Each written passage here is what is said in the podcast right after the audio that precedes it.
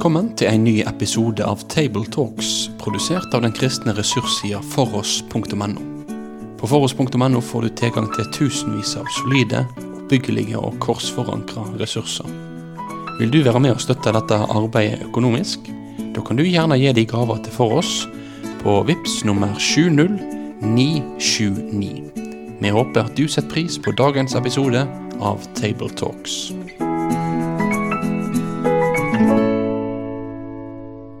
Velkommen til eh, en samtale om eh, prekenteksten på Palmesøndag. Jeg heter Svein Graner og sitter her sammen med Egil Sjåstad og Asbjørn Kvalbein, og vi har slått opp det som er prekenteksten nettopp på Palmesøndag i eh, Johannes 12. Og vi skal lese en lang og rik tekst fra vers 12 i Jesu navn. Dagen etter fikk folkemengden som var kommet til festen, høre at Jesus var på vei inn i Jerusalem.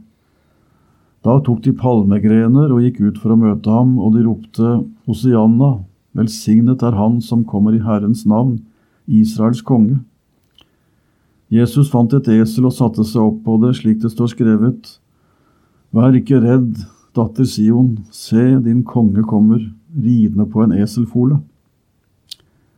Dette skjønte ikke disiplene med det samme. Men da Jesus var blitt herliggjort, husket de at dette sto skrevet om ham, og at folket hadde hilst ham slik. Alle de som hadde vært til stede da han kalte Lasarus ut av graven og vekket ham opp fra de døde, vitnet om det. Det var også folk der som dro ut for å møte ham. Det var så derfor folk dro ut for å møte ham, fordi de fikk høre at han hadde gjort dette tegnet. Fariseerne sa da til hverandre, Der ser dere at ingenting nytter, all verden løper etter ham. Det var noen grekere blant dem som var kommet for å tilbe under høytiden. De gikk til Philip, som var fra Betzaida i Galilea, og sa, Herre, vi vil gjerne se Jesus. Philip gikk og fortalte det til Andreas, og sammen gikk de og sa det til Jesus. Og Jesus svarte, Timen er kommen da menneskesønnen skal bli herliggjort. Sannelig, sannelig, jeg sier dere, hvis ikke hvetekornet faller i jorden og dør, blir det bare det ene kornet. Men hvis det dør, bærer det rik frukt. Den som elsker sitt liv, skal miste det, men den som hater sitt liv i denne verden, skal berge det og få evig liv. Den som vil tjene meg, må følge meg, og der jeg er, skal også min tjener være. Den som tjener meg, skal min far gi ære. Det er litt av en tekst, dere. Og nok en gang så sitter en med følelsen av at hva skal en velge, og hva må en la ligge i en tekst som, eh, som kunne romme stoff til mange prekener? Men nå er vi litt fri, da. Vi kan uh, løfte opp det som ligger oss på hjertet, så får de som hører, ta med seg det som de kan bruke eller ha glede av. Det, hvor, hvor, ligger tyngdepunktet for deg, Asbjørn, når du leser? Det ligger det ikke i palmer. palmer. Det ligger ikke i palmene, nei. nei. Jeg hadde mistanke om det. og det ligger kanskje ikke i eselet heller, selv om jeg leste om en fyr som var blitt kristen fordi han var diskjockey og kunne ikke skjønne at det var mulig å ta et eselfole og ride på det trygt gjennom en menneskemasse uten å skade noen. da ble han en troende. ja, nei, men det er mange det er veier til. Mange veier til troen. Ja, nei da, det hovedsaken syns jeg er ordet herliggjort. Ja. Herliggjort i vers 16. Jesus var blitt herliggjort, så husket de dette, står det. Det som står skrevet. Og så står det da timen er kommet da menneskesønnen skal bli herliggjort, i vers 23. Altså det at Jesus blir stor. Det er uh, hovedsaken her. Er det samme som herliggjøre, eller hvordan vil du ja, bli utlegge herliggjort i en sånn litt sånn traust norsk språkdrakt? Jeg tror det er omtrent det samme, ja. Vi uttrykker det litt forskjellig. Men herliggjøre er jo aktivt. At Jesus herliggjøre seg selv, eller herliggjøres av Faderen. Herliggjøre seg selv, bli herliggjort. Jeg vet ikke. Vi kan bruke det litt om hverandre, men det er noe med herlighet, tyngde, vekt, glory, som de sier på engelsk. Det er det som skinner fram her. Kan det ha noe med at, at de ser også at på Han og Gud Fader er ett? For det er jo det samme som står om Gud. Så jeg tenker når Jesus herliggjøres, så aner man liksom at det er ikke bare Jesus, men han gjenstråler det som jødene ikke minst kjente også fra Guds synliggjøring i deres historie. Absolutt. Det er en herliggjøring av Gud, men det er også herlighet på så mange måter her. Mm. F.eks. det at um, her kommer det noen grekere, altså som er hedninger, da, ikke jøder, og som er nysgjerrige. Og de hadde vært vant til å gå til høytiden eh, og var uh, nysgjerrige på hvem Jesus var, påsken osv. Vi vil gjerne se Jesus og møte ham, betyr jo det, altså. Kan vi få det? Altså fiksa Philip det, og Andreas, og det var i orden. Og da sier Jesus, nå er timen kommet. Nå skal det herliggjøres. Ved at hedningene begynner å søke meg, for å si det sånn. Ja, så Disse grekerne Egil, som kommer og vil snakke med Jesus, det er kanskje et større evangelisk poeng enn vi av og til tenker på. det. For, for da begynner jo løftene også fra GT om at hedningefolkene skal søke. Det begynner å finne sted. Ganske sikkert at eh, det er et, en frampek mot misjon, dette der, da. Nå står det ikke noe mer om disse grekerne lenger fram, for det blir, konsentrasjonen blir om Jesus, og at han er hvetekornet som dør og oppstår. Men vi kan jo ane det at de fikk et sånt første møte med Jesus som satte spor. og Kanskje vi kan håpe at de i ettertid ble blant de første eh, som Det er mange, mange statister i Bibelen Ja. også, men de det de har en rolle som gjør at, at eh, fokus Ja. blir på han som skal ha fokus, men eh, de hører med. Men det er mulig Asbjørn har rett, altså at timen er kommet da det kan skje at til og med grekere, altså ikke-jøder, skal få del i evangeliet. Men da må timen for Jesus komme først. Ja. Og det står i kapittel 13 og kapittel 17 om Jesu time. Og Det er naturligvis ikke 60 minutter det dreier seg om her, da, men det det punkt i hans uh, framtreden som alt de andre eh, kretser om, som det sikter mot. Timen. Uten den timen så ville bare Jesus ha vært en, en morallærer eller en dyktig person i historien. Spennende å lese om. Men pga. den timen her, så blir Jesus relevant også for grekere, altså, og for oss som sitter her. Det er stort. Nå virker det som både Johannes og de andre evangelistene de har på en måte ikke et skjema som er så absolutt at ikke det lar skinne gjennom tidligere også, at Jesus er kommet også for å være et lys for hedningene. Ja, ja. Kvinnen fra Sidon, eh, og ikke minst den samaritanske kvinnen, som Johannes gir nesten et helt kapittel i kapittel 4. Hun var også sånn i grenselandet, ikke sant. Hun var Ikke skikkelig jøde.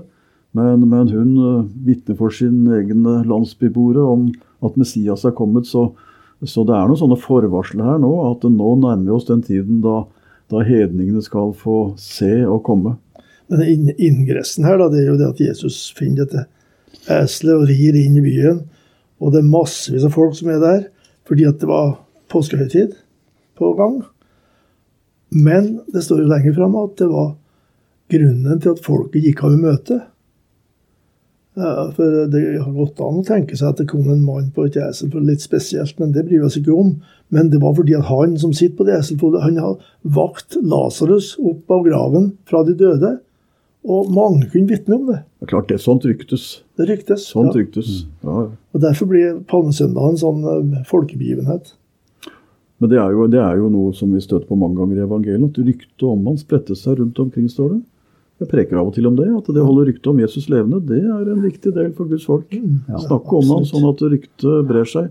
For når ryktet var det kvinnen ved brønnen også gjorde, hun fortalte noe som gjorde at de skjønte at dette må vi finne ut mer om. Så sånn sett så skal man ikke snakke det ryktebæring når det gjelder det gode ryktet. Nei, og så er det jo så masse forventninger om Jesus, da, og mange som eh, spriker i ulike retninger. Ja, han hylles jo her i begynnelsen at her kommer han som er Israels konge, roper de altså. Men så slutter det med at denne kongen kommer med sin programerklæring, så å si. Han avslutter en pressekonferanse, som en sa, med å si at hvis ikke hvetekornet faller i jorden og dør, så blir det bare det ene kornet. Men hvis det dør, bærer det rik frukt. Med andre ord, dette er det jeg nå skal inn i.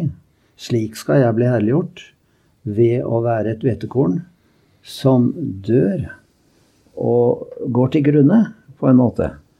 Men det er for at det skal bære rik frukt, og vi ser det allerede nå når disse grekerne begynner å spørre etter frelsen, så er det en begynnelse. Så det er som han sier, løft deres øyne og se, åkrene er allerede modne. Han sier ikke det her, da, men, men det er den eh, triumferende holdningen. midt i det at han sier 'nå skal jeg bli herliggjort' ved kors og lidelse og død. Det er sterkt. Ja, det, det, er sterkt, fordi at og Det er en sånn spennvidde i det her. Altså, han kom som oppfyllelse av kongeprofetia, der det også er knytta makt til. Men så sier han da i noen kapitler etterpå her at 'mitt rike er ikke av denne verden'. Så det å tenke seg at Jesus skulle være konge for å bli en politisk aktør eh, sterkere enn både Biden og Putin, altså, det, det er misoppfatning. Han blir aktør i Guds rike, der vi alle sammen kan få samfunn med Gud og evig håp. Og da måtte han gå veien om, om korset. Og da, da kommer dette hvetekornet som faller i jorden og dør og vokser opp igjen og blir mye frukt. Ja, det er viktig å tale om det her, for uh, igjen så Dette har vi snakket om flere ganger i våre samtaler. Å la Det gamle testamentet få kaste lys over det som skjer. Uh, for Det gamle testamentet kan det. Når vi leser disse ordene fra profeten og andre skrifter i GT om Han som kommer. Uh, vi tenker vel helst at jødene de kjente ikke disse profetiene annet enn som løfter om en Messias som skulle komme med ytre makt. Det er nok ikke riktig. Eh, jeg leste det siste at det var også mange jøder som hadde forventninger også om en Messias som skulle være en som, som opprettet Guds rike i en langt mer absolutt forstand. Men fariseerne, sånn som de tegnes her, og ofte rundt Jesus, så har jo de, de helt tydeligvis andre forventninger. Så, så det var da som nå Eh, tanker om hvem Jesus var og hva han skulle gjøre, som trenger hele veien å korrigeres av at livet det kommer ved at noen dør, for at et nytt liv skal få leve. Så Jesu herlighet, at han forherliges, som du sa, Asbjørn, den springer fram av at hvetekornet dør, men så kommer det opp mange fold der hvor det hvetekornet ble lagt til jord. Så det er jo dette som er Palmesøndags store budskap. At de som ser en enkel kar fra Galilea rinne på et uh, trelldyr. Med troens blikk så får de se noe mer. Det er jo ironi nærmest her da, når den sier 'seg imellom', står det. Dere ser at dere ikke oppnår noe. Underforstått vi må gjøre større grep her for å få kvittet oss med den. Se, all verden løper etter ham. Det, det var det de opplevde den palmesøndagen. da. Og det forsterka liksom ønsket om at nå må vi jammen få kvitta oss med denne personen, så ikke han eh, overtar hegemoniet her. Og dette skjer, dette skjer, jo i en tid hvor det var en del eh, både profeter og folk som stilte seg fram i lyset i samtiden og forsøkte å fange oppmerksomhet. Så både romerne og de skriftleide var jo opptatt av at de skulle få bort sånne, sånne selverklærte fusentaster. Og de ville gjerne kategorisere Jesus der for å få ham vekk. Så, så, de forstyrres veldig av at han skal komme på det viset her. Ja, det er jo et, eh, et skal vi si, et forbild, eller for, forutsigelse av de som i dag også vil bli kvitt Jesus. Altså, han skal ikke fram i det offentlige livet i det hele tatt, for eh, all verden løper etter ham. Nei, vi må stanse det. Og han Kaifas ble jo en slags profet uten å vite det, at eh, det er bedre at en Eh, lider og dør, enn at hele folket går til grunne. Nå må vi stoppe dette. Og det var jo Lasarus-oppvekkelsen som hadde skapt en sånn røre og en bakgrunn for dette. Og så kunne jo disiplene sagt nå, Jesus, nå har du virkelig PR-en på din side. Du har folket som hyller deg, nå kan du utnytte dette. Du ser du har masse motstandere, men hva vil du gjøre? Så sier Jesus nei, nå skal jeg bli herliggjort ved å være et såkorn som dør.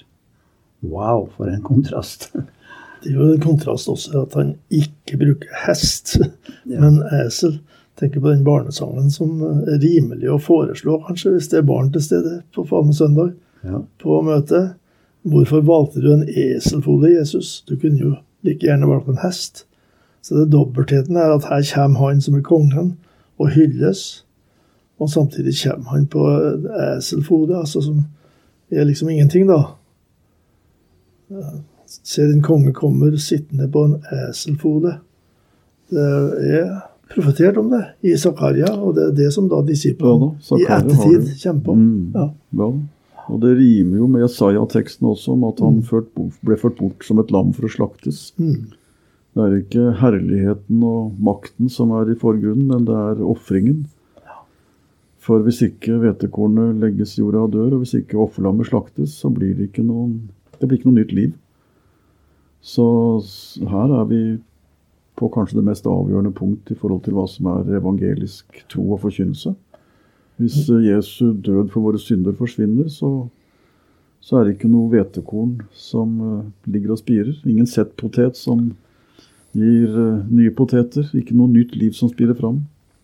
Så det å sette strek over, eller la Jesu død for oss bli skjøvet bort til ytterkanten, det får radikale konsekvenser for hva evangeliet er. Tenker på det som Jesus ofte sa før palmesøndag, at de ikke må si dette til noen. En sånn Messias-hemmelighet som vi ikke skal brette ut, for den vil, vil bli misforstått. Men på palmesøndag da er tida så nær korset at da ønsker Jesus at dette skal proklameres. Og når de kritiserte Jesus, så sa han det at hvis de slutter å rope, barna eller folket her, så skal steinene rope. Det er et av de flotte utsagnene av Jesus palmesøndag. Steinene skal rope. Ja, Da skal, da skal det proklameres at han er Messias, sjøl om han nå er på vei til korset. Men det virker ikke som han tok så veldig hardt på den som ikke klarte å la være å si noe. Nei, gjorde ikke det. Så jeg tror på at Jesus hadde litt sånn dobbelthet der. Han skulle synliggjøre at dette skal, dere må vite mer før dere får det på plass. Men når noen ikke klarte å holde munnen, så tror jeg han sa ålreit, dere får bare si det da. Ja. De klarte ikke å tie stille. Jeg smetter inn et sitat her av, av alle Napoleon Bonaparte, som skrev det. At Alexander den store, Cæsar, Karl den store og jeg selv grunnla imperier. Men hva bygde vi vår storhet på? På makt. Men Jesus Kristus er den eneste som har grunnlagt sitt imperium på kjærlighet. Og akkurat nå ville millioner av mennesker være villige til å dø for ham. Ja, det er jo sterkt. Men det er jo det vi ser i dag. Det er noen som helt uh, ryggesløst bygger et imperium på makt også i verden i dag. Trusler, terror. Og så har Jesus bygd det på kjærlighet. Og der er, eh, det er slik han viser sin herlighet. For det var en kjærlighet som nådde helt til korset og døden. Og selvutslettelsen for sin egen del. Ja, for vår skyld. Det var for oss han døde. Um, Det er, som jeg nevnte, to steder her det er nevnt om herlighet, herliggjøring. Og hva er Guds herlighet? Det er hans prioritering. Og Jesu herlighet også er at han prioriterte. Han kunne gjort all verdens store ting og bløffe seg fram og bygge et rike på makt. Men han ville prioritere korset og veien til nullpunktet, på en måte, for oss. Det er jo påskens store budskap. Det er interessant at det utsagnet 'mitt rike er ikke av denne verden', som han sa til Pilatus, det sa han altså faktisk til denne Pilatus da like før Pilatus nærmest ble tvunget til å felle dommen at han må korsfestes. Mitt rike er ikke av denne verden, men det er et rike. Og da de skrev på korset 'Jesus fra Nasaret, jødenes konge', så ville de at Pilatus skulle si, skrive 'Han sa jeg er jødenes konge'. Men da svarer Pilatus 'Det jeg skrev, det skrev jeg'. Da slet han foten ned. Og da, da har han forstått bitte litt av hva det vil si at mitt rike er ikke av denne verden. For her henger det en på et kors og dør. Og allikevel er den som er fredsfyrsten, kongen i dette nye riket, som ikke er av denne verden. Jeg syns det er litt oppbyggelig å lese også om disiplene. Ja, det står at dette skjønte de ikke med det samme. Ja. Det, dette kommer igjen også på annen påskedag, når de sliter litt med å helt å få på plass når han kommer, både Emmausvandreren og de andre. Og Peter som litt i forkant ikke kunne skjønne at Jesus skulle dø i det hele tatt. Det er- er litt, litt greit at eh, eh, evangelistene lar oss få ane at eh, disiplene slet litt. Jeg tror, Det er jo en ren gjetning da, med at kanskje de vil hjelpe oss alminnelige bibellesere til å, til å ane at dette krever tid. Det, det, det er ikke sånn at dette faller på plass. Jesu disipler de måtte ta sin tid de før de skjønte hvorfor han måtte lide og dø, og at det var nødvendig. Emmaus-vandrerne hadde hørt ham preke, men de hadde ikke fått det på plass. Det, tok sin tid.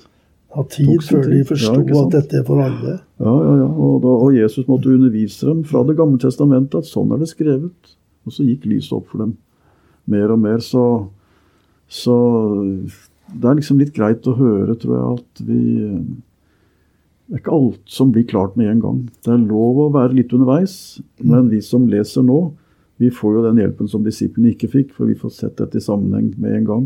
Og det har disiplene selv bidratt til ved å gi oss evangeliene, sånn at vi får se den store sammenheng. Men om en skulle slite litt og tenke at dette her, det går ikke opp for meg med en gang.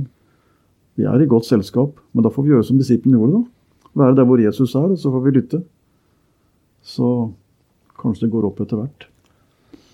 Det er flott at det går an fortsatt i dag å, å komme og spørre kristne Herre, vi vil gjerne se Jesus. Du vil ikke se Jesus. Det går jo på mer enn det å eh, Hvem er det, liksom, av de alternativene vi har rundt omkring oss her? Det går på å se hva han er, og hva han betyr. Den som ser Sønnen og tror på ham, har evig liv, sier Jesus sjøl.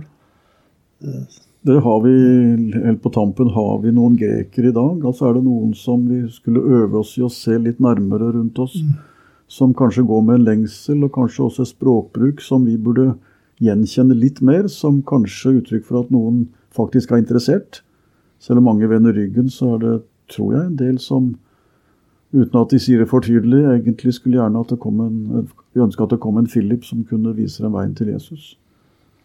Eh, kanskje vi skal bli også litt flinkere til å se om det er noen som, som vi kunne ta med og si at her er han. Ja, og så er det jo lett å tenke på denne teksten som at Jesus her er på vandring, på vandring til Jerusalem, og det skjer store ting. og Disiplene hører et bibelord, og de skjønner ikke at nå blir det oppfylt, som de pekte på. Men det vi kan si også, det, han vandrer ikke bare forbi. Nå kommer han til deg. Han, han kommer inn og vil gjerne komme inn i ditt hjerte og vise sin herlighet i ditt liv. Og det er ikke nødvendigvis en herlighet at du skal få en stor lykke og glory omkring deg, men du skal få møte ham som din venn og frelser. Følge ham når livet går både opp og ned, eh, og veien fører hit og dit. Eh, Men det er fantastisk å være en kristen og følge Jesus fram mot evige liv. Og det å kunne vitne slik for mennesker, det, det er også eh, et tema vi kan ta fram på en palmesøndag. Vi har foreslått eh, den sangen 'Jesus kommer til et hjerte'. Etter sånn preike. altså Vi synger i mannsgruppa i Ytre Enebakk. Må gjøre litt reklame for den. Såpass, ja. Kanskje vi må få med dere en gang og synge for oss? Se, han kommer, ærens konge, enda en gang just til deg. At, at forkynnelsen vår kan henvende seg til den personen da, som er som en greker. altså. Vil du palmer eller torner kaste foran på hans vei? Det blir ikke valg der. Du, du stilles overfor Jesus. Mm. Det er godt vi fikk litt poesi på slutten. Da Ja. tror jeg du kan stoppe. Nei, jeg bare nevner også at uh, Philip han fikk med seg Andreas. og Det er et ørlite poeng for meg. Uh, det er veldig ofte at Jesus sender dem to og to, og vi ser at de er sammen. Vi som syns at det er krevende både det ene og andre i Guds rike. Det er ikke få ganger vi aner at uh, de gjør det to sammen. Og det er også et lite forbilde. Philip fikk Andreas med seg, og så, så gikk de. Så dere, da har, vi, da har vi ikke stått med palmegreiene sånn i bokstavelig forstand, men vi har nå stått der og sett.